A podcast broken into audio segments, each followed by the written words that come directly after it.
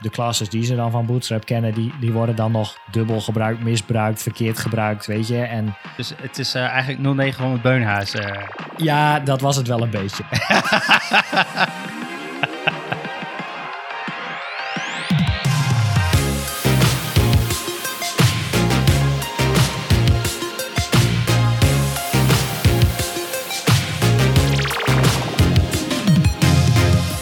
Welkom bij de Pixel Paranoia podcast. Ik ben Mikelle en samen met mijn co-host Rick gaan we alles behandelen rondom UX, UI en frontend development.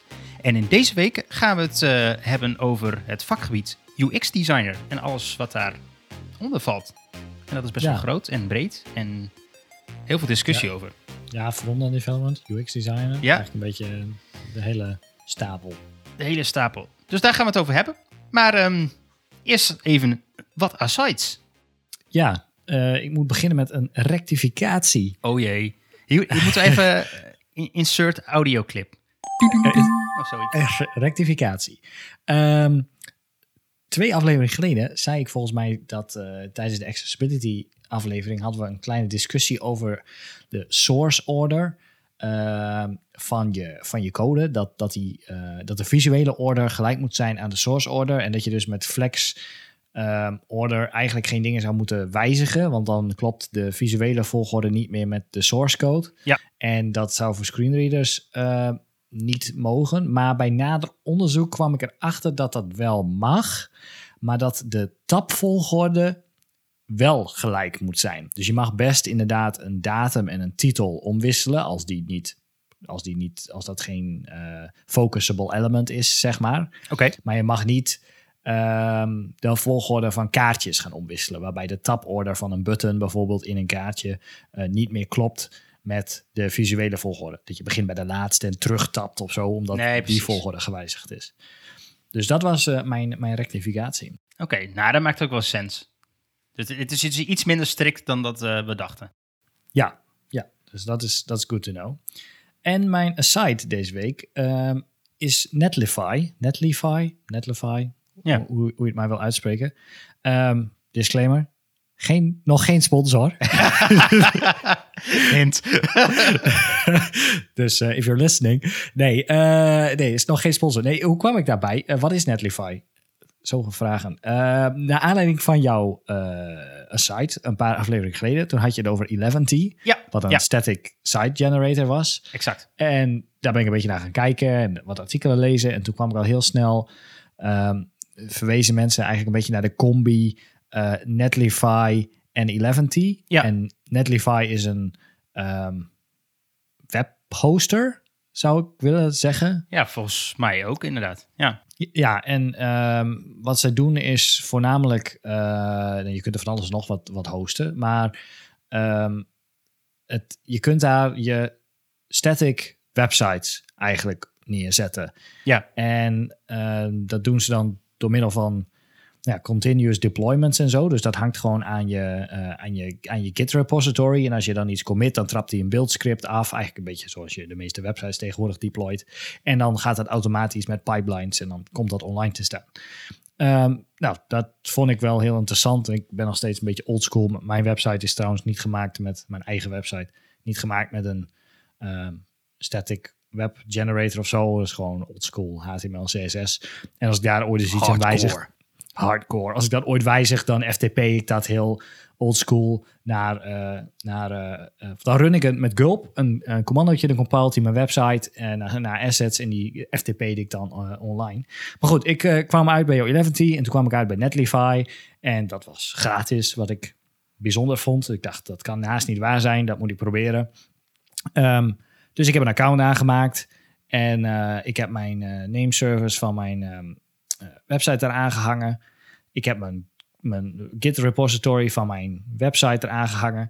En volgens ben je dan het opzetten en dan zegt hij, oh, ik zie dat je Gulp gebruikt. Wil, en en dat dit, dit commando gebruikt, waarschijnlijk voor, voor het beelden van je website. Wil je dat ik die aftrap op het moment dat er een nieuwe, een nieuwe commit is in de master branch of in de development branch of Ja. kies, kies een branch. Nou ja, doe maar dan. En ehm warempel, het is gewoon instant, gewoon bam, compile. En het stond ook live en alles werkte gewoon in één keer. ja. Nou ja, jij, het- jij had, eh, wij hebben, we maken voor elke aflevering een soort van ja, documentje waar we alvast de onderwerpen inzetten, zodat we een klein beetje kunnen voorbereiden. En toen zag ik dat je uh, Netlify had opgeschreven. Ik denk, nou, ik moet toch even, even wat dieper duiken in wat het nou is. Dus ik dacht, ik maak gewoon een accountje aan. En uh, ik had helemaal verder niet naar pricing of wat dan ook gekeken. Uh, dus ik, ik, doe dat gewoon. Nou, dan kom je inderdaad in zo'n wizard uit. En uh, vraag van, hey, heb je ook een Git repo of zo ergens? Ja, sure. Ik heb wel een, een, een GitHub account. Nou, die koppel ik eraan. Repo eraan koppelen. Oh, wil je dit deployen? Oh, ik zie dat je npm run build wil doen. of kunt doen in jouw, in jouw repo. wil je dat doen? Ja, oké, sure. Nou, we volgen het uit. Draait. Ik kreeg een soort van ehm, je krijgt een soort van tijdelijke URL van ze als je het nog niet gekoppeld hebt aan een domein. Ja, en het werkte. En ik dacht, hè? Maar dit, dit kan toch niet? Dit is gratis.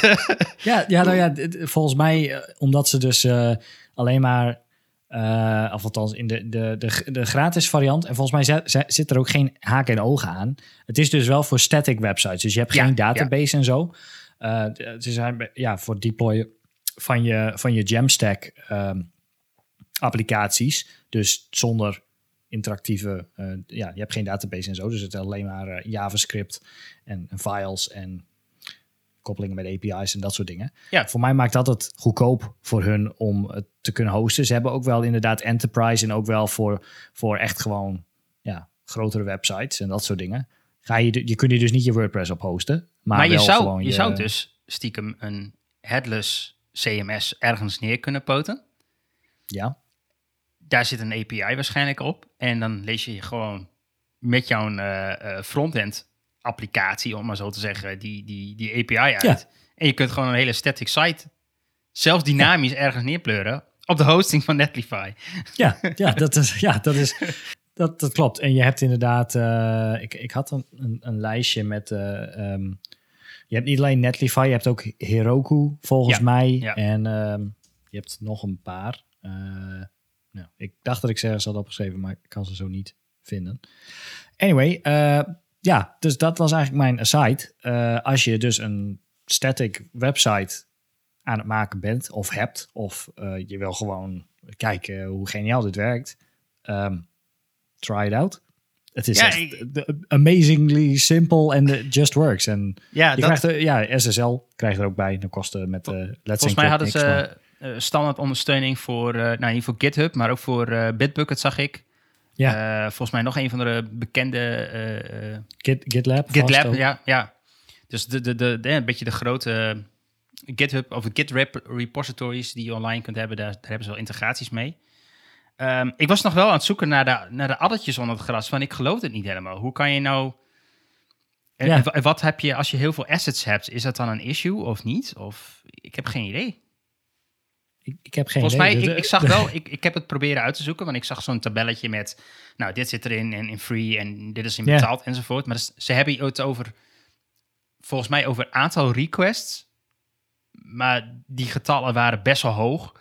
En de traffic is ook iets van 100 gigabyte per maand. Nou, ik ga dat allemaal nooit, nooit halen. Dan mag je ook wel dus een beste website voor hebben. De starter is inderdaad gratis. En dat, dan heb je één teammember, unlimited websites, 100 gig uh, bandwidth, ja. 300, 300 beeldminuten. Dus ja, als je, mm. nou ja, hoe lang draait een beeld? Dus een minuut of zo, misschien twee. Dus uh, als je niet uh, meermaal daags je website loopt te beelden en te deployen, dan heb je daar volgens mij ook nog wel voldoende aan. Ja.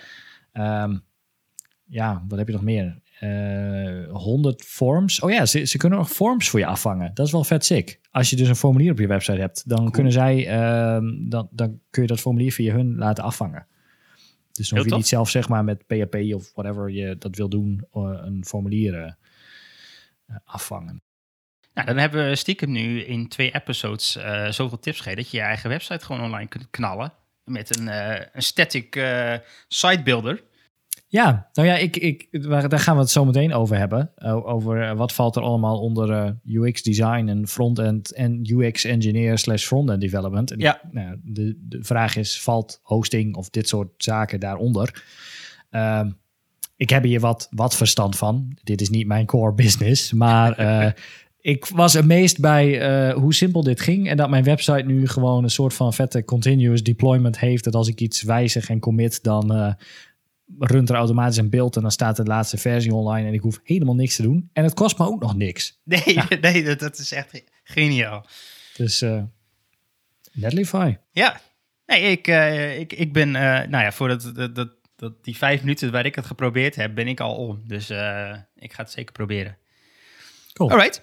Uh, ja, mijn site is, uh, onlangs is er uh, config geweest. En dat is een, een soort van online conferentie van Figma. Ehm, volgens mij is die, ik weet eigenlijk niet of die ooit fysiek is gehouden, maar het is meer zo'n conferentie dat ze wat, wat sprekers uitnodigen en wat dingen laten zien. En ze laten ook wat dingen zien van hun eigen applicatie Figma natuurlijk. En alle nieuwe features die daarvoor uitkomen. En ik dacht, ik, uh, ik ga een paar meenemen in de, deze site om wat toe te lichten. Um, ze hebben een aantal nieuwe features in Figma uitgebracht. Die zijn heel erg interessant. Maar het allergrootste wat ze hebben toegevoegd is Fig Jam. En dat is een, een, een online collaboration whiteboarding tool. nou, we hebben eerder in een aflevering al Miro eens een keer aangeprezen als tip volgens mij. Ja. En daar lijkt het natuurlijk ontzettend op. Eigenlijk is dit gewoon een ontzettend grote concurrent. Uh, want wat heel slim is van Figma, iedereen zit natuurlijk al in Figma te, lekker te designen, design systempjes te maken, et cetera. Hoe vet zou het zijn als je ook uh, online collaborating kon doen op een whiteboard uh, binnen Figma? En dat hebben ze Ja. gewoon gemaakt. Als je toch al met, als je een, al, een abonnement hebt en al alle mensen zitten er al in, dan is dat wel eh, Ja, heel slim. Heel briljant. Dus dit is een, eh, een, een flinke steek richting eh, Miro en Mural is ook zo'n tool. ehm, en al die vergelijkbare eh, zaken. Want ik denk dat heel veel bedrijven nu zoiets hebben van... Hmm, is het nog wel interessant om, om nog een third-party tool zeg maar, eh, naast Figma te hebben? En misschien Ja. is dat wel niet zo. Een kleine kanttekening. Ehm, in 2021 is het nog gratis. Dus dan kun je het proberen. Vanaf eh, 2022 is het 8 dollar per editor per maand. Dus nog bovenop de kosten die je al had voor eh, de reguliere Figma. Oké, ik weet zo niet wat Miro of zo kost. Maar Uit mijn hoofd is ongeveer dezelfde prijs.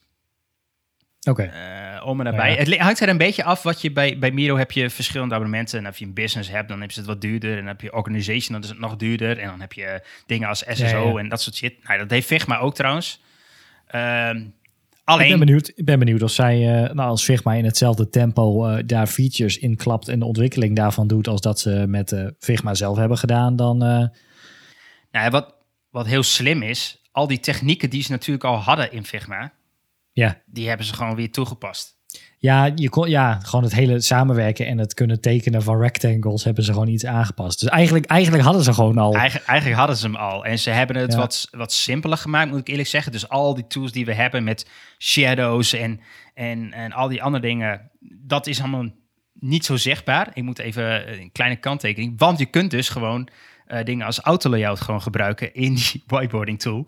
Ah, En ja, je kunt is- je ja. componenten uit Figma, eh, reguliere Figma bestanden ook gebruiken in je whiteboarding. Eigenlijk is het gewoon, Ja. gewoon letterlijk een normale Figma file. Ja, maar, het, dan- het is wel een andere interface dus. Het is echt een andere interface en je hebt sticky notes en, en et cetera. Dus het is wel wat simpeler. Ze ondersteunen ook audio- en videocalls. terwijl je aan het tekenen bent. Yep. Oh, oké. En ehm, ik denk dat het een, eh, een, hele, een heel mooi package is. Het is echt slim. Ja, lijkt me, eh, li- lijkt me wel eh, dat ze daarin een goede markt zijn gesprongen met een tool die ze al natuurlijk al hadden. Ja, Nice. Nou, en wat heel slim, of, of, ik, ik weet dat het bij Miro heel erg aanslaat en bij Miro waarschijnlijk ook, is, zijn de templates die er al standaard in zitten. Nou, Figma maakt heel slim gebruik van hun community, zeg maar. Je hebt binnen zeggen. Figma een community waar je al die templates ook kunt downloaden. Nou, daar zitten al die templates voor Ja. Ook in. Ze, la- ze laten mensen gewoon gratis templates voor hun maken. Ja. En die bieden ze dan aan. Ja, Exact, exact. smart.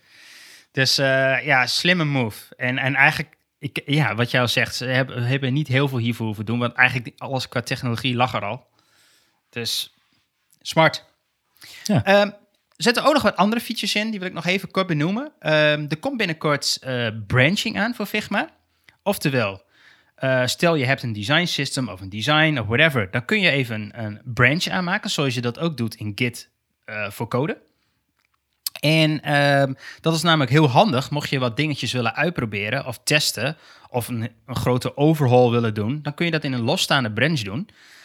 En ehm, als je daar eh, weer mee verder wil, dan kun je er weer terugtakken, weer terug naar de main br- branch en et cetera. Dus nou, dat is ook wel handig, denk ik. Ja, ja want nu ma- maak je of een nieuw, nieuwe file of je maakt even een nieuw artboard. Alleen je kunt moeilijk in het bestaande systeem gaan lopen Ja. wijzigen, want dan, eh, ja, dan wijzigt alles mee. Dus dan ga je dingen kopiëren en zo. Dus nu kun je gewoon, het begint gewoon wel steeds meer. eh, je moet haast verstand gaan hebben van, van front-end development. eh. Ja, wel, ja, dat, nou ja, dat is een mooie ook straks voor het bruggetje voor eh, de main. Maar inderdaad, het, het, komt heel dicht bij elkaar. Ehm, je kunt het nog niet gebruiken trouwens. Ehm, het is nog een beta en je kunt je daarvoor aanmelden om een request te doen om toegang te krijgen tot die beta. Ehm, en of je dan toegang ga- gaat, of weet ik niet. Het is geen release datum verder nog bekendgemaakt van dat deel. Oké. Uh, FigJam is trouwens wel al beschikbaar. eh, nog even ter aanvulling. En er is nog één dingetje die ze gaan eh, doen. Eh, er is nu al een, een Figma Mirror app. Die is Mhm. best wel simpel. Basically, ja. je klikt een artboard aan en dat ding wordt getoond. Punt. Ja. ja, klopt. Ja, je kunt heen en weer swipen. Kwam ik dit weekend achter. Ja, Om ja. eh, je andere dingen. eh, maar dat werkt nog niet helemaal goed. Want nee, ik had het is wat funky. 12 artboards of zo. En dan bij drie daarvan kwam ik niet bij. En ik weet niet waarom. Geen idee. Nee, hij space soms een beetje. Uh, ze hebben dat erkend. En uh, de eigenaar zei ook van... hey, dat is, die app is eigenlijk best wel kut. Daar zijn we niet heel trots op. Zei hij heel subtiel. Uh, maar er komt een nieuwe app. Die is ook nog in... nou, ze hebben dat gelanceerd voor de eerste 10k users... die zich daarop hebben ingeschreven. Dus nou, die 10k users, als je dit luistert, die zijn al weg. Ja. En ze hebben nog geen datum gelanceerd. Maar wat het ook gaat doen, is uh, fullscreen, fullscreen prototyping. Dat zit nu al in Figma voor de desktop. Ja. Je kunt gewoon een prototype met iemand delen, maar dat kan nu straks ook in de app. Uh, en dan oh. krijg je gewoon, kan je gewoon fullscreen je, je app al ja, ja, ja, bedienen. Ja, ja. Oh, dat is chill. Dus, nice. En je kunt ook, je hoeft niet meer vanuit desktop zeg maar je, je app aan te sturen. Je kunt nu gewoon vanuit de app het ja, bestand precies. klikken. Ja, dat, dat is waar ik ook een beetje tegenaan liep inderdaad. Ja. Want soms dan, dan die, hij wil nog wel eens wegspringen. Dus dan heb je je telefoon open en dan zit je naar, weer heen en weer scrollen. En dan opeens, weet ik veel, beweeg je je muis op desktop of zo. Klik je naast een artboard en dan opeens springt hij weer terug naar artboard 1. En dan is alles weer weg. En, ja, ja, klopt. Nou, beter dat ze daar wel mee bezig zijn. Dat had Sketch dan... Die, die, die, die Sketch Mirror, die, ja, die deed het altijd wel ja. gewoon goed, zeg ja. maar. Dus uh, ja. Nou, goede, goede toevoeging in ieder geval, vond ik, uh, van Figma. Nou, en Figma kennende zullen ze dat dan ook wel... Uh, redelijk snel um, af hebben en niet à la sketch, zeg maar. Ja, nee, ik, ik, ik iets zegt mij dat we dat zomer wij, uh, 2022. ja, precies. Nee, ik denk dat we deze zomer wel al met deze functies aan de gang kunnen, als ik dat zo een beetje zie van een. Alright. Cool.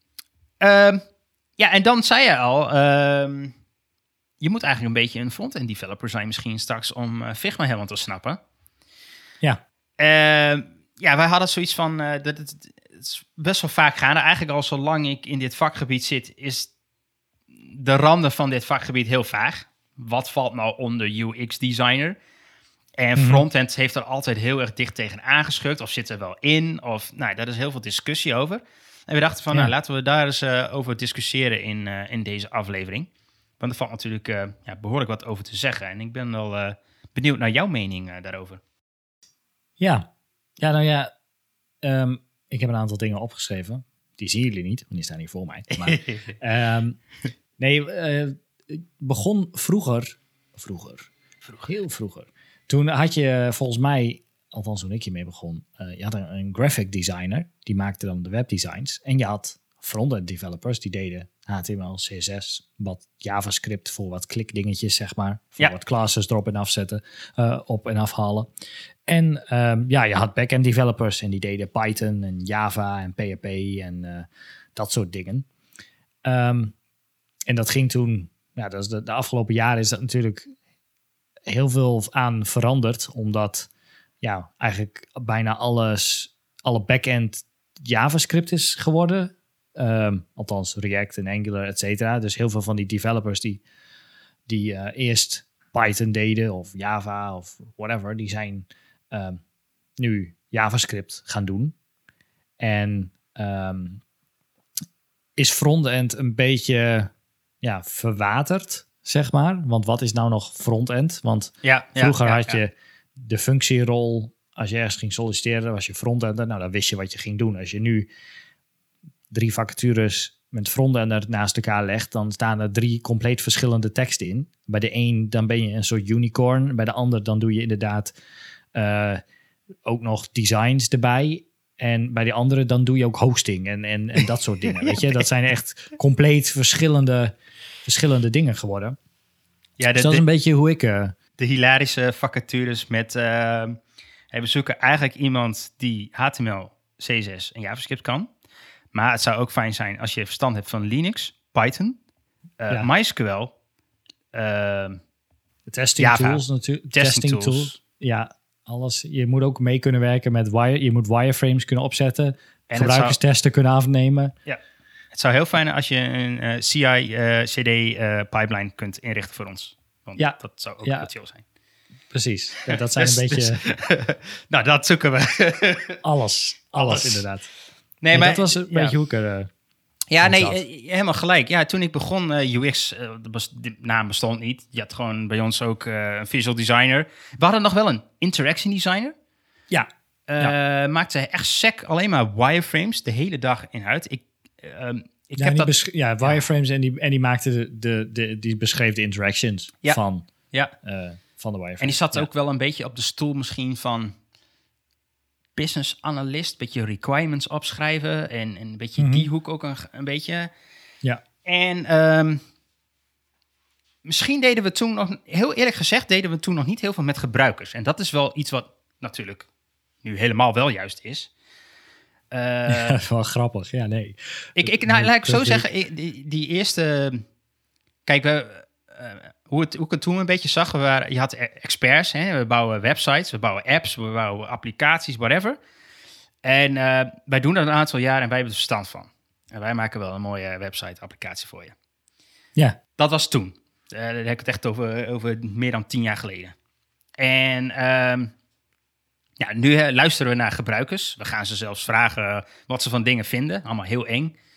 Eh, feedback en zo. En testen, camera's erop. En eh, Mhm. gaan we een beetje designen, een beetje dingen maken. En dan gaan we ze weer vragen.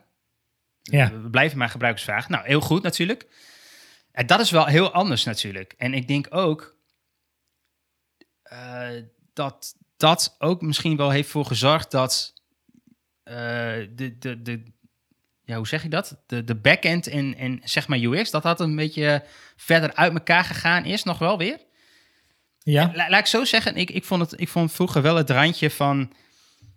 Nou, de, ik zag daar de visual designer nog wel af en toe even met een PHP er even sparren van... ja, doen we deze feature er een beetje in, Mhm. bouwen hier wat voor. En dan zat er ook een, iemand die bij die, die HTML, die klapte dat er al een beetje in, allemaal lekker bij elkaar. ja. Ik heb nu wel het idee dat die mensen heel erg ver van elkaar af, elkaar afstaan. Of Ja. komt dat ook doordat projecten gewoon groter geworden zijn waar ik mee bezig ben? Dat kan ook, dat weet ik niet. Nee, nee, ik denk dat dat nog steeds wel, wel zo is. Alleen, eh, dat komt denk ik omdat de, de designers en de, de UX'ers en de interaction designers meer met de gebruikers willen doen. En de mensen die diehard willen programmeren juist daar afstand van hebben genomen. Ja, En dus krijg je dan de Great Divide. tussen de, tussen de, de, de voorkant en de, de achterkant van de voorkant. Ja, maar ja, precies. Want ik ben dus benieuwd. Ik vind daar een, ik persoonlijk vind ik daar een scheiding zitten. Wat jij al zei, er zijn een, een, een groep mensen die zijn van. eh, nou, ik ken bijvoorbeeld veel mensen die Java hebben gedaan en die voelen zich heel erg comfortabel bij, bij frameworks als Angular nu en daar zit TypeScript in en nou, het zit allemaal een beetje in die hoek. Dat vinden ze heel leuk en fijn. Ja. Maar zodra we beginnen over de interface, dus wat mensen zien, aanraken, klikken en hoe het eruit moet zien, hoe het moet animeren, dan is het, ah nee, ja, de Angular heeft wel wat, eh, wat material design en daar flikkeren wel tegenaan en dan werkt Ja, het ja, ook. nou ja, Bo- Bootstrap inderdaad. Gewoon de default Bootstrap dingen. En dan passen we wat kleurtjes aan. En dan passen, zetten we nog wat inline styles op. En dan eh, valt het allemaal wel redelijk een beetje op zijn plek, zeg Ja. maar. Maar het valt wel allemaal onder de noemer Frontend. front-end, inderdaad. En ik heb hier opgeschreven dat de namen die ik dan, nou ja, die je vaak tegenkomt, je hebt UX designer, je Ja. hebt UX engineer, je hebt UX developer, front-end designer, front-end developer. Ehm, nou, zo heb je vast, oh ja, HTML engineer kwam ik ook nog tegen. Ehm, Ja, ik heb de UX unicorn nog ergens gezien. oh, de UX unicorn, ja. Die kan Nou alles. Ja, die kan alles. Nou ja, zo heb je een hoop namen inderdaad. ehm, voor iets, ja, wat ik zeg inderdaad twee compleet verschillende dingen zijn geworden. En, En, eh, en, en ja, oké. En dan hebben we nog eh, UX designer of een UX researcher hebben we ook nog. ja, ja UX oké. writers, UX. Analysts. Ja, die, die, die ik, ik, ik heb wel, de- nou, ik heb er heel veel discussies over. Ik hoor heel veel signalen om me heen. Eh, mensen weten eigenlijk, UX designer aan zich is, is, lijkt wel te groot zijn, te geworden zijn. Er valt te veel onder. En mensen voelen zich ook niet altijd meer aangesproken als er het labeltje UX designer aanhangt. Want nee, ik, ik ben heel erg gespecialiseerd in misschien wel in interaction design. Of juist nee, ik ben heel erg in research. Ik vind het heel gaaf Ja. om research Ja. te doen, om eh, workshops te, te, te, te, te, doen met mijn klanten en eh, usability tests af te nemen en card sorting sessies te doen, et cetera. Dat is, Ja. is een hele andere tak dan als wij in de UI zitten, design systems maken, eh, gaan hebben over animaties. Ehm, dus Ja, het is, het is lastig, want eh, ehm, een paar maanden geleden toen ehm, kreeg ik allemaal vacatures doorgestuurd voor, voor, een, nieuwe, voor een nieuwe klus. Om Ja. me heen gedetacheerd te worden. En ehm, toen moest ik opgeven van, ja, wat zoek je dan? Ik zeg, nou ja, stuur alles maar door met UX erin en alles maar door met frontend. En dan moeten we maar kijken of er wat tussen zit. Nou, Ja. ja. ik, ik, ik weet niet, ik heb denk ik wel 15 gehad of zo. Ehm, maar ja, dan heb je UX-designers. Of de, de, functierol is UX-designer. Maar dat gaat dan inderdaad super diep in op... ja, je, gaat, je moet research doen... of je gaat research doen... je gaat met gebruikers onderzoeken inplannen... en bla bla bla. Ik zei, nee dat, dat is niet voor mij. Ik, ik ben wel UX-designer dan... maar dat is meer UX-research. Oh, nou, komt er nog eentje voorbij. UX-designer. En in dit geval gaat het dan vervolgens over dat je... ehm, ja, eh, zowel gaat programmeren en dan jij moet verstand hebben van Angular en, Ja. en Vue en, en dit en dat. Ja. En weet ik het allemaal. Ik dacht, nee, dat, dat- is weer veel te veel de andere kant op. Nu ga je weer niks doen met design en met gebruikers. nee, En ehm, toen, ja, toen kwam ik dat artikel tegen van Brad Frost. ehm, al eens besproken hier, maar dat is de bedenker van Atomic Design. En die had laatst een artikel geschreven. En eh, Chris, en ik weet zijn achternaam, kan ik nooit uitspreken, van CSS Tricks. Coyer of zo? Cor- Coyer? Ja. Coyer? Ja, is Ja. Frans? Ja, ik weet niet. Misschien is het, is het Canadees? Vast. Oh. Nou, anyway, eh, die heeft al heel lang geleden een keer een artikel geschreven over de Great Divide, wat ik net noemde. Ja. Ehm, dat front-end developer niet echt meer bestaat tegenwoordig. Ehm, maar Brad Frost had daar nog weer een, een verdieping op gedaan. Ehm, en die schreef dat er een splitsing is tussen front-end van de front-end developers en back-end van de front-end developers. Ja. Ehm, waarbij je dus, als je dat zo opsplitst, ehm, de front-end of the front-end developer determines the look and feel of a button, Mhm. while the back-end front-end developer determines what happens when the button is clicked. Oké. En dan heeft de front-end frontender die zorgt voor eh, semantische HTML, accessibility, die doet de CSS, die doet wat basic JavaScript om objecten te manipuleren in de DOM, zeg maar. Ja. Openen van models en eh, accordeon en dat soort dingen. Die test de eh, HTML, CSS door over de verschillende browsers en verschillende eh, mobile devices heen. Eh, hij werkt met de designers Mhm. om eh, nou, te zorgen dat het design eh, goed vertaald is naar, de- naar de code. En hij heeft ook verstand van eh, wat gebruikers willen en hoe, ja, hoe, hoe, hoe je een mooi design maakt. Ehm, hij zorgt ervoor dat er een, een style guide is met UI components, gemaakt in een templating engine. Ja. Ehm, en nou, hij schrijft hier verder nog ehm, maintaining the presentational components as a product. Oftewel, zorg dat je gewoon een, een ja, goed up-to-date style guide hebt met, eh, met je componenten. En de backend developers, die schrijven de business logic, maken de koppelingen met de API's, ehm, die doen de performance van de JavaScript code, integreren andere backend zaken, doen DevOps dingen, zoals CI, CD stuff. Oké. Ehm, en werken met andere backend, backend developers in de eh, IT structure. Dus dat is een beetje hoe hij dat opsplitste. En Ja. dat vond ik eigenlijk wel heel passend. Ja, de- Want dan zie ik mijzelf echt perfect in het plaatje frontend van de frontend passen, zeg maar. Ja, ik, ik ben wel benieuwd, want ik, Brad is natuurlijk wel een beetje ook een front-end front-end developer. Ik, ik, eh, Ja. ik weet wat hij maakt. Hij heeft Atomic Design ook eh, op die manier neergezet, omdat Mhm. hij snapte dat er een, eh, hoe zeg je dat, een wens was naar, naar een, een library voor componenten die, die slim in elkaar zitten en van elkaar afhankelijkheden hebben. Nou, zo is Ja. hij met Atomic Design gekomen. Ehm, dus ik snap dat hij die ook ziet. Ik weet ook, eh, om mij heen hoor ik signalen dat eh, er wel een aantal UX'ers zijn die zeggen van, nee, je bent met code bezig. Dat hoort toch niet binnen UX thuis? Ja, En, en, en ergens zeg ik, ja, misschien ook wel weer zo. ja want ik heb het net over frontend. En dan frontend van de frontend developer en frontend van de, of backend van de frontend developer. Maar goed, frontend developer, daar komt het woord UX niet in voor. Nee.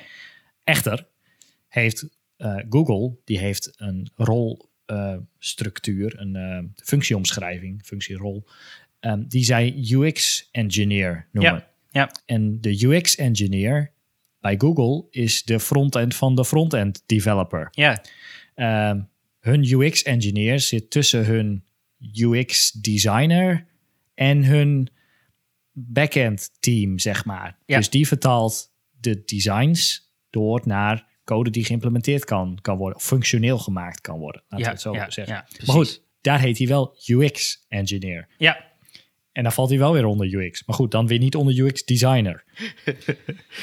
nee. Dus ja, ja, het, is, het, het is, het is een... Ik, eh, ik denk dat we UX gewoon moeten opsplitsen. En volgens mij wordt dat ook wel gedaan in wat jij net ook zei. Je hebt UX researcher, je hebt ehm, UX designer, dan UX engineer. En nou, zo kunnen we nog wel een paar bedenken. UX analyst. eh, Ja, nou, ik, ik, ja, ik, ik zat. ehm, ehm, ik, ik weet dat we die discussie eh, ook eh, binnen eh, onze organisatie hebben. En ehm, eh, waar we een beetje achter kwamen, is dat je binnen de UX-cirkels, zeg maar, heel veel specialismes krijgt. ja, laat ik zo zeggen, stel jij bent een, een, een groot bedrijf. Ik noem maar even wat. Stel je bent Netflix. Ik kan me goed voorstellen dat er een team is die alleen maar bezig misschien is met voice commands. En dat zo gebruiksvriendelijk mogelijk integreren in hun app. mhm. Eh, die zijn daar dus dag in, de, hun hele dag mee bezig, 24-7.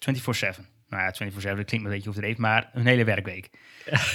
Ehm, ja, dus, dus dat is dan een UX voice designer, I guess. Maar dat is dus wel een, een echt een heel specialisme, zeg maar. ja, Ehm, maar als ik eh, tegen mijn manager moet zeggen van... eh, hey, wij, eh, wij hebben een project, een UX voice designer nodig. Nou, dan gaan zijn oren heel wat klapperen. Van, wat moet ik daar nou mee? En Ja, hoe, gebruiken we dat? Hoe zetten we dat in? Dus, dus ik kan me ook goed voorstellen, weet je, voor dat soort hele grote organisaties... daar krijg je natuurlijk enorme gespecialiseerde functies... En Mhm. ik gok dat we wat, wat kleinere organisaties, als we terug naar Nederland gaan. En ik denk zelfs in Nederland eh, zijn we allemaal niet zulke grote clubs. Ja, misschien wat uitzondering naar de, de KPN's, de, de, de grote Achmeas, de Rabobank. Misschien dat die dat wel echt hebben. Ehm, maar dat er wat kleinere clubs, dat je, ja, dan ben je, dan hebben we een soort van containerbegrip nodig. Om Ja. het nog een soort van uitlegbaar te houden ook naar mensen die niet ons vakgebied snappen. Want daar gaat het eigenlijk om. Want hoe leg Ja. ik aan een manager of mijn directeur of een klant uit wat in hemelsnaam een UX-designer is. Ja. En ehm, eh, zonder daar hem helemaal te vermoeien met... Ja, nee, je hebt nu te maken met een UX-researcher... of een UX-voice-designer... of een, uh, een UX-engineer. Dat valt niet uit te leggen, denk ik. Dus ja, ik, denk dat dat, ik denk dat dat met tijd wel komt. Net als dat UX-designer helemaal niet bestond. Nee, misschien, misschien, ja. En die, die er nu wel zijn. Alleen heeft ieder bedrijf een andere invulling van die rol. En dat maakt, mocht je op zoek zijn naar banen in dit vakgebied, het wel heel lastig om. Je kunt niet één term in, intypen, zeg maar. Je, je moet echt vijf termen in gaan typen. En dan hoop je dat er een vacature bij zit die inderdaad voldoet aan een van die specifieke richtingen, zeg maar. En dat je niet, op, niet bij de unicorn vacature uitkomt. Die alles ik, ik, dat, dat is wat jij zegt. Ik denk dat, dat dat nu het probleem is. Dat bedrijven eigenlijk niet zo goed meer weten. Wat zoek ik nou eigenlijk? Want als ik, stel, ik moet mijn manager de opdracht geven van... Uh, ja, zoek maar een UX designer. En dan zeg ik... En dan vraagt hij, ja, wat, moet hij allemaal kunnen dan? Ja, dan kom ik met een waslijst aan. En eigenlijk beschrijf ik dan uh, uh, tien UX-specialismes dus die komen dan allemaal in die vacature terecht. En dan word je de, de UX-unicorn, zeg maar, die we dan zoeken. Ja. Want, uh, ja, heel eerlijk gezegd, uh, we hebben, eh, of, of het is lastig om zeg maar een, een, een UX-specialisme naar binnen te harken die alleen maar de hele week met UX Voice bezig bent. Of je bent toevallig gespecialiseerd in en je hebt een bedrijf die daarmee doet, of je hebt een hele grote app die daarmee bezig is. Maar anders kan je dat dingen niet verantwoorden. Nee, dus maar dat maakt het ook moeilijk. Want ik, ik, ik zag laatst ook een, dus een vacature. Um, zochten ze ook een UX-designer. En daar stond er ook inderdaad in... ja, het zou wel heel fijn als je affiniteit hebt met Vue, React of, uh, of Angular... of een ander front-end framework. En toen dacht ik van ja... nou, good luck with that. Ik denk dat je gewoon een frontender zoekt. Zoekt, ja, ja precies. Maar dan ook dus die verstand heeft van gebruikers... En misschien ook wel wat kan designen of zo. Ik weet het niet. Maar misschien zoek je wel twee personen. Maar ja, ik, ik, ja het, is, ik, ik denk dat het voor bedrijven ook wel lastig is. Het is echt lastig om uit te leggen, dit. Ja, nou ja, soms worden die vacatures een soort van semi-gegenereerd. Of je weet wel hoe dat gaat als je in een grote organisatie werkt. Dan geeft een team geeft aan van ja, we zijn op zoek naar een nieuwe medewerker. En dan komt dat bij HR en dan ja, wat moet hij dan doen? Ja, deze rol, want die hebben we in de organisatie en daar heeft ooit iemand zijn tekst voor getypt. Ja. Dus keeperen we dat er allemaal in. En als je dan ooit daar aan tafel komt, dan is het, ah nee, oh nee, oh ja, dat zetten ze er altijd in. Nee, we werken helemaal niet met Angular. Nee, de, de rol die jij gaat doen is dit en dit en dit. En ik, oh, je, dat valt nog wel mee. Maar nee, klopt. Nou, dat is, is ook wel weer, uh, volgens mij hadden we daar met Nick uh, ook over uh, in de vorige aflevering, of de aflevering daarvoor. De aflevering daarvoor. Ehm, denk ik. Ja. Ik weet het al niet meer. Maar ook over van, weet je, je, je ziet zoveel nieuwe technologieën, nieuwe functies, nieuwe uh, specialismes. Uh, ja, misschien moet je dan ook niet, inderdaad niet bang zijn om gewoon maar te gaan solliciteren. Of in te schrijven op zo'n opdracht. En je ziet wel wat ze daadwerkelijk echt vragen. Ja, ja, ik denk uh, als je gewoon, nou, je weet wat je zelf kunt natuurlijk. Dus ja. als je daar komt en je legt gewoon, je hebt gewoon een goed verhaal en je weet wat je kan ja, dan merk je snel genoeg of dat inderdaad de persoon is die ze eigenlijk bedoelden, of dat, dat ze echt totaal iemand anders zochten. Dus als zij daar uh, diep op in op hun frameworks gaan en jij komt daar uh, met je designverhaal, dan nou, weet je dat het niet, niet gaat matchen. Nee, ik had nog wat opgeschreven, het verschil um, tussen de UX-kant en de frontend van de frontend kant en de, back, de, de backend van de frontend. Jemig, maak het even heel ingewikkeld zeg. De, de, de, de, ja, de backend, is denk ik dat de, de mensen die met iets met UX te maken hebben, die hebben empathie voor de met eindgebruikers. Ja. En die hebben verstand van kleuren, contrast, toegankelijkheid en dat soort zaken. Um, die, die weten wat de best practices zijn, um, hoe gebruikers denken, doen en, en wat, ze, wat ze willen. Dan weet je natuurlijk nooit wat, je, wat een gebruiker wil, daarvoor moet je testen. Maar uh, ja, voor die hoek. En het zijn communicatief vaardige mensen. Um, ja, mensen met mensenkennis. Ja, niet, niet, ik wil geen mensen nu um, tegen het verkeerde been uh, schoppen. Maar um, is dan ja, een gezegd tegen het verkeerde been schoppen? Tegen het tegen, been schoppen. Te, tegen het been Tegen het been schoppen. Ja. Anyway, wat, je, wat ik merk is dat veel van die developers die vroeger backender waren en dus nu in de framework zitten, daar geen verstand van hebben en vaker ehm, niet dan wel geen mensenkennis hebben. Dat klopt niet helemaal hoe ik dat zei, maar uh, je snapt wat ik, je snapt wat ja, ik ja, ja, ja, ja.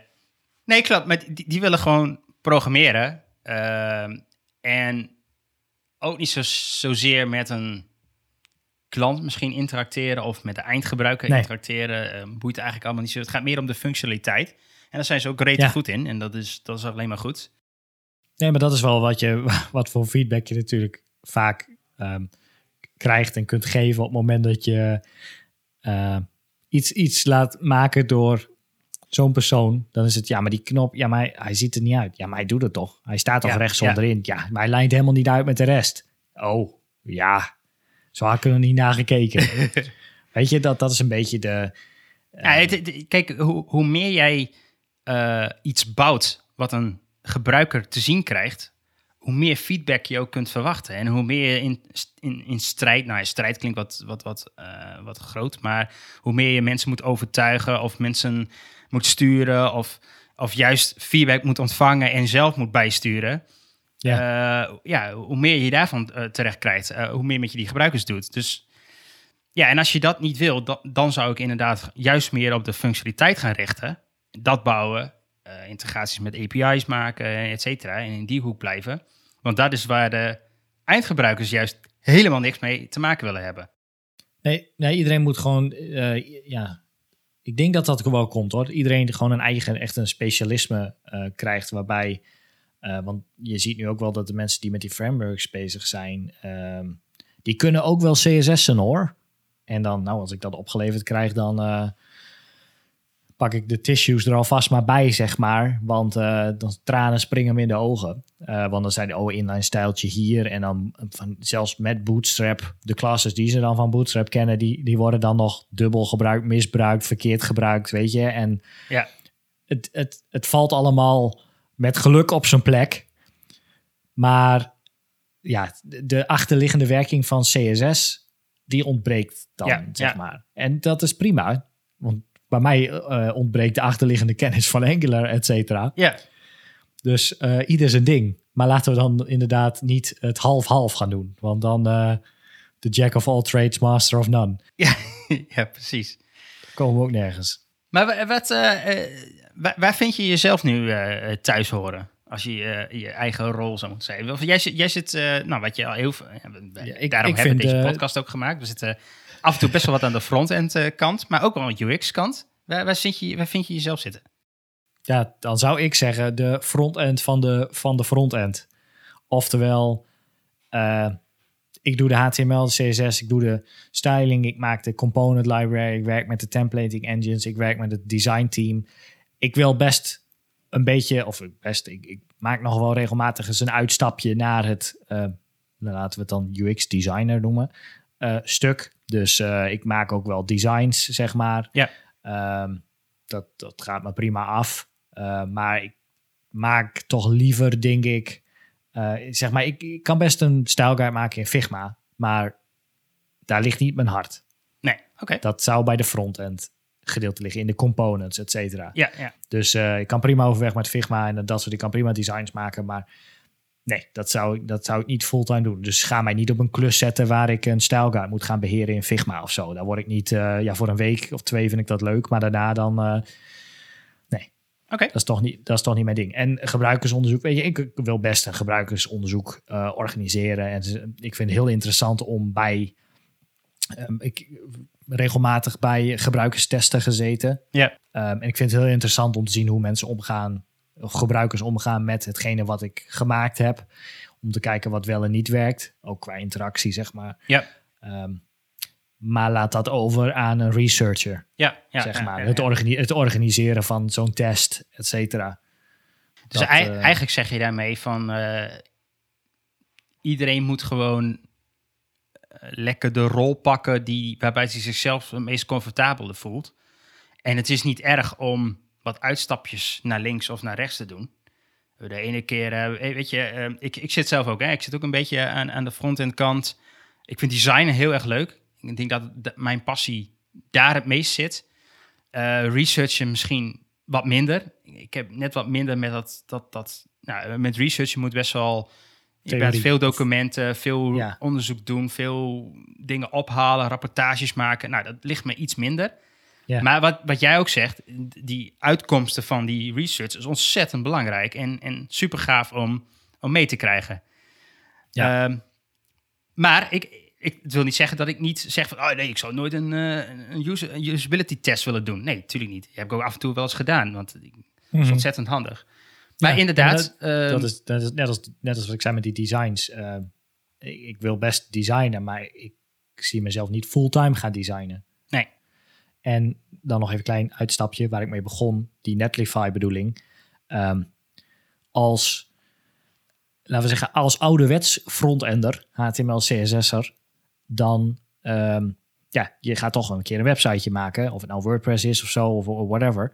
Um, en die moet een keer ergens komen te staan. Ja. Dus uh, dan heb je waarschijnlijk al wel ergens een keer wat kennis opgedaan met SSH en FTP en, uh, en, en, en domeinnamen en hosting en dat soort, dat soort dingetjes. Ja. Vind ik, vind ik niet onder frontend van de frontend vallen. Totaal niet, zeg maar, als rol of, of als uh, um, functie, uh, ja, functierol. Um, of als um, eigenschap, kenmerk of ja, hoe ja, ja, precies, als verantwoordelijkheid. Ja, ja, nee, eens. Maar als je er verstand van hebt, of althans enigszins snapt hoe het werkt, ja, dat lijkt me wel logisch. Nou, ik, ik weet je, ik denk, laat ik zo zeggen, ik denk dat je mensen willen uh, wel heel graag een stempeltje. Dus ik ben UX designer, ik ben UX engineer of whatever. Dat is je kerncompetentie, om het maar zo te zeggen.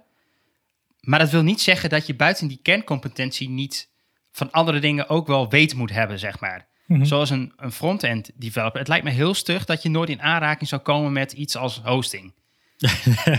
nee. Uh, dat, want je wilt toch ergens je spullen neerzetten. Want je bent, hebt code geschreven en dat moet ergens staan. Ja. Uh, dus ga je in aanraking komen met, met Git, met hosting, uh, met domeinnamen. Met, en dat wil niet zeggen dat jij nou de koning wordt in hosting. maar dan ga je al meer richting een DevOps-achtige functie. Ja, precies. Of, of zelfs een, een cloud engineer, om het maar zo te zeggen. maar weet je, ik denk dat we hebben allemaal een soort van grijs gebiedje om ons heen. En, en daar moet je wel wat verstand van hebben. En daar moet je feeling mee hebben. En dat moet je uh, een, een, beetje liggen. Maar je hoeft er niet, uh, uh, nee, je, je, hoeft er niet helemaal bedreven in te zijn. Nee, maar jij bent dus iets meer richting de designkant dan de front-end kant. Of zeg je, ik vooral in de, wel in de UX engineer slash front-end van de front-end rol. Ja, ik vind, ik vind design het allerleukst. en daarna front-end. Oké. Dus ik neig iets meer in, in een design, denk ik, naar de frontend. Hm. Maar ik, ik, ik heb altijd... Ik, ik ben begonnen in mijn carrière als frontend uh, developer. Ja. Uh, en toen uh, door, door budgetten en dingen en keuzes en, en planningen ben ik ook veel designs gaan doen. Dat lag me altijd eigenlijk wel. Mm -hmm. en dat ben ik steeds meer en meer en meer en meer gaan doen. En ik ben op een gegeven moment ook heel veel research gaan doen. Uh, ik heb heel veel trajecten nu ook research gewoon gedaan. Uh, omdat ik of de enige designer was. Want ja, dan moet je het hele riddeltje maar doen. Ja. Dus ik heb wel per, projecten zeg maar van research tot helemaal aan frontend opgeleverd. nou, er, gaan, er zijn, ik ken wat mensen om me heen die zeggen dan van... ja, jij bent ook een mogol, want waarom zou je al die dingen gaan doen? ja, klopt. Maar ik vind ook alles, ik, kan ook, ik vind ook alles leuk, zeg maar. Ja, nee, nee, ja, dat, eh, dat, ja, zo, dat probleem heb ik een beetje. Uh, daar hadden we het met, met Nick toen ook over. Ik vind ook alles leuk. Net zoals uh, zo'n zo view framework. Ja, ik, ik wil gewoon even weten hoe dat werkt. En ja, precies. ja, dat, is toch, dat is toch een klein dat tikkeltje van die FOMO die, daar, die erin zit. Ja. ja. want ik wil ook een klein beetje van het netwerk. Beetje hosting, beetje dit, beetje SSL. Beetje, weet ik veel. vorig jaar had ik een, een VPS gekocht om die vervolgens helemaal vanaf scratch in te gaan richten. met weet ik het allemaal. Dus ik leefde gewoon dagenlang in de terminal. Inclusief de complete beveiliging van mijn, van mijn VPS en mijn uh, eh, PHP, my admin en mijn databases en alles wat ik erop had, had draaien. En uh, ja, dat was totaal niet mijn tak van sport. Maar ik weet nu wel ongeveer hoe het werkt, zeg maar. Met heel veel tutorials en een hoop gekloot. En ja, dat is toch wel een beetje die... Hij wil van alles wel wat weten. Ja. Dus uh, ja, je moet me die niet op een klus zetten waarbij ik uh, de, de VPS'en moet gaan inrichten. maar uh, mocht er ooit eens een keer iets omvallen, dan kan ik misschien, heb ik wel enigszins een idee waar ik zou kunnen kijken. Dus het, het is volledig onbekend terrein. Het is, het is eigenlijk 0900 Beunhaas. Ja, dat was het wel een beetje. Maar goed, dat was ook. Dat draaide dan volgens mijn eigen website op. Maar goed, die, die draait nu bij Netlify. Daar hoef ik daar weer niet over na te denken. Dus... Nee, nee, nee. Nee, maar ik, ik ken ook heel veel uh, uh, mensen om me heen die uh, puur UX-designer zijn. En zeggen van, ik ga geen, geen front-end code. Ik, weet je, ik snap een beetje wat, wat HTML doet en kan. Ik heb er geen effort voor of zin in om iets van HTML-code te gaan leren. Ik focus me alleen op UX-design. Punt. Ja, en, en, waarom niet? je hoeft echt niet alles te kunnen. Maar als je het niet interessant vindt, is het niet interessant. Nee, maar om de cirkel dan even rond te brengen, valt code wel onder UX designer. Daar begon je mee. Ja. Nou, ik, ik, ik was twee jaar geleden bij uh, uh, CSS Day. Ja. En uh, een, dame zei, is CSS een uh, programmeertaal? Ja, dat is ook zo'n mooie... regelmatig voorbij komen. Ja. Mooie dus... ding die ook op Twitter regelmatig een discussie van bij uh, zien komen. Ja, en toen kwam ze met een hele mooie discussie, want er, er is volgens mij een, soort van algemene... Uh, ik, ik, ben, ik weet even niet meer uit mijn hoofd, maar er is volgens mij een soort van ding dat maakt een programmeertaal een programmeertaal. En dat heeft volgens mij te maken als jij berekeningen kunt doen en er komt uh, uh, met logica en er komt een antwoord uit, dan is het een programmeertaal. Ja, ja, ja. Volgens mij... Hebben we dat stadium nu bereikt met CSS? Ja, want er was iets met... Zij liet een voorbeeld zien met checkboxes, wat alleen maar met CSS werkte en wat logica bevatte. En daardoor dus mee kon rekenen en daardoor was het een programmeertaal. Formeel gezien.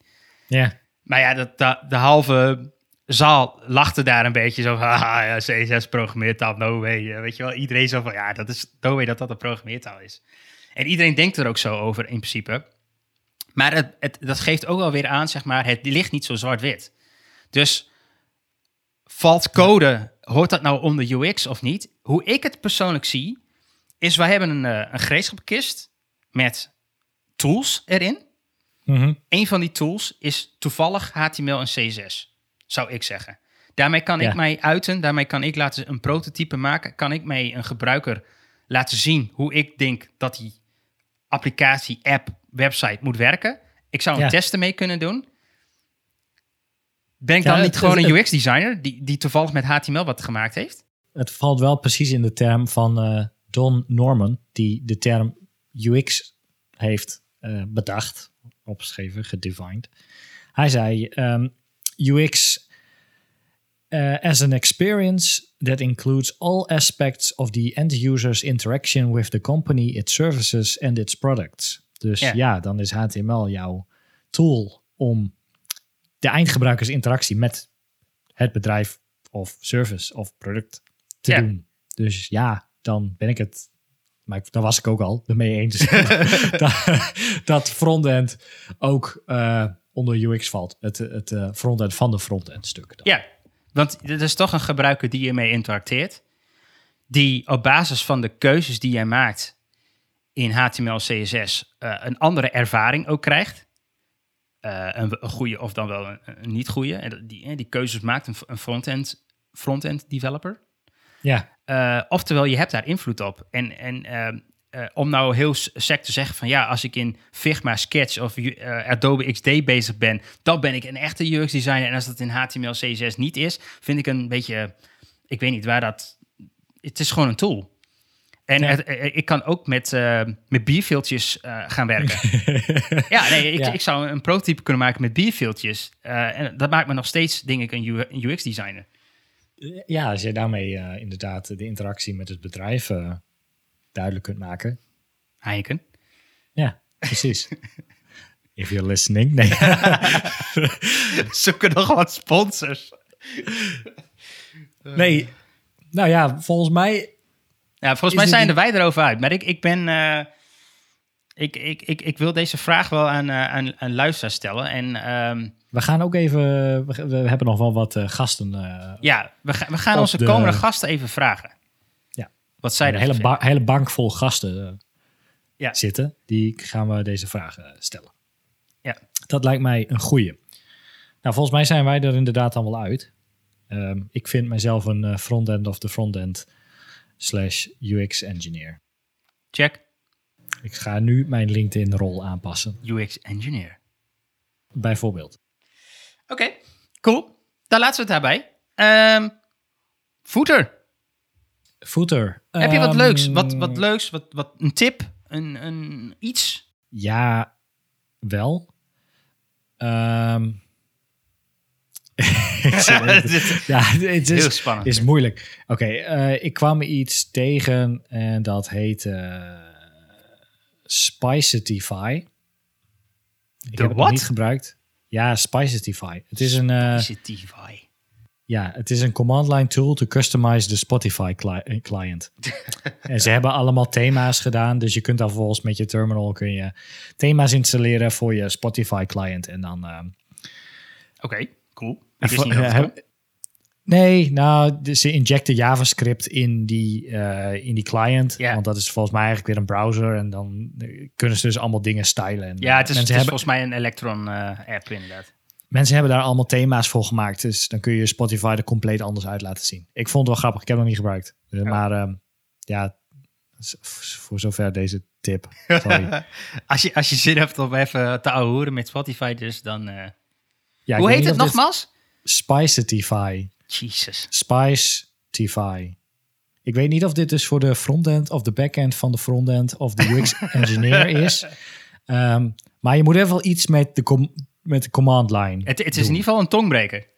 Ja, Dus daar, en je moet iets met de command line doen. Dus ehm, is niet voor de UX researcher, vrees ik. Oké, cool. Ehm, ja, ik, ik, ik, heb, eh, ik heb weer een serie. ik ben wel van de series in de, in de footer, maar ik, ik vind het eh, een leuke serie. Ik wist niet, eh, een, een maat van mij kwam er mee en die zei van, eh, je moet eh, Succession kijken. Succession is een HBO-serie, dus als je hem wil zien, dan moet je op HBO kijken. Of een andere manier zien te vinden. Ehm, maar eh, het is een beetje in de genre van Suits. Die? Ja? En House of Cards. Weet je dat idee? Oké. Dus het gaat over een familie. Eh, en die familie heeft een groot mediabedrijf. Nou, die hebben van alles. TV-stations, pretparken, eh, radiostations, eh, Ja. kranten, et cetera. En ehm, eh, daar is een, een, een, je hebt de vader, zeg maar, die is de eigenaar van dat bedrijf. en je hebt twee zoons en een dochter. Ja, en die azen natuurlijk allemaal op zijn rol. Ja. Want dat bedrijf is miljarden waard en eh, nou, die willen dat ook wel. Maar ja, dat is natuurlijk een hele rare struggle als in wie wordt de next CEO. Mhm. Wordt dat een van de zoons of wordt dat toch stiekem de dochter? Ehm, ja, en, en er worden allerlei nare politieke spelletjes gedaan. En het is best wel sick soms hoe ver dit gaat. En hoeveel bizar veel geld ze hebben en hoeveel macht ze hebben. Eh, die gast heeft zoveel macht dat hij af en toe zijn telefoontje heeft met de president van Amerika. Dus, dus zo hoog zit hij in de boom Ja. krijgt er heel veel dingen voor elkaar. En, en er zijn schandalen. En eh, je ziet hoe rijke mensen leven. En hoe ver ze gaan in dingen om mensen te manipuleren. Hoe ver de vader gaat om zijn kinderen te manipuleren. Heel ver. Oké. Eh, heel erg interessant. Heel erg toffe serie. Goede acteurs. Ehm aanrader. Heel spannend. Leuk. Ik, ja, ik hou weinig tijd over, zeg maar. Ik heb Ted Lasso, moest ik al kijken. Die heb ik al gezien. Ik heb, Oh, daar ben je al klaar Circle- mee, toch? Ja, lang. En eh, Nou, de, cir de Circle dus, van twee dingen, daar ben ik ook bijna doorheen. Ja, er, zijn nog eh, maar eh, twee seizoenen van eh, Succession. Dus het, het zijn tien afleveringen. Elke aflevering duurt een uur. Dus het valt mee. Het is niet een enorme... Je hebt niet eh 80, ta- 80 seizoenen te gaan, zeg maar. 22 afleveringen Ja. van een uur. Nou, ik zal ergens 22 uur zien te vinden. Oké, Thanks. alsje- alsjeblieft. Nee, dat, was, de, was dit de aflevering weer, eh, volgens mij. Ehm, nou, ik hoop dat iedereen eh, er wat aan gehad heeft. En eh, mocht je deze aflevering nou ergens luisteren en je bent nog niet op ons geabonneerd, doe dat dan vooral. We zijn eh, overal bereikbaar. Eh, Spotify, Google Podcasts, Apple Podcasts, eh, TuneIn, Amazon, iHeartRadio. IHeartRadio, mm, misschien.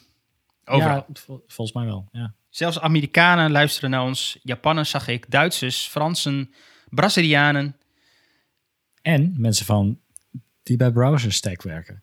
en mensen die bij BrowserStack werken. Dus eh, wie weet krijgen wij nog een leuke eh, gesponsorde aflevering ooit. van ze. hey, dus ehm, nou, eh, eh, volg ons daar. En eh, mocht je feedback hebben of wil je juist graag een keer een aflevering bijwonen en wil je over, met ons iets over discussiëren, laat het vooral weten. Ga naar pixelparanoia.com, ga naar contactformulier en laat een berichtje achter. Dan neem ik contact op. Yes. Voor nu, Ehm. tot de volgende keer. Laters. Hoi!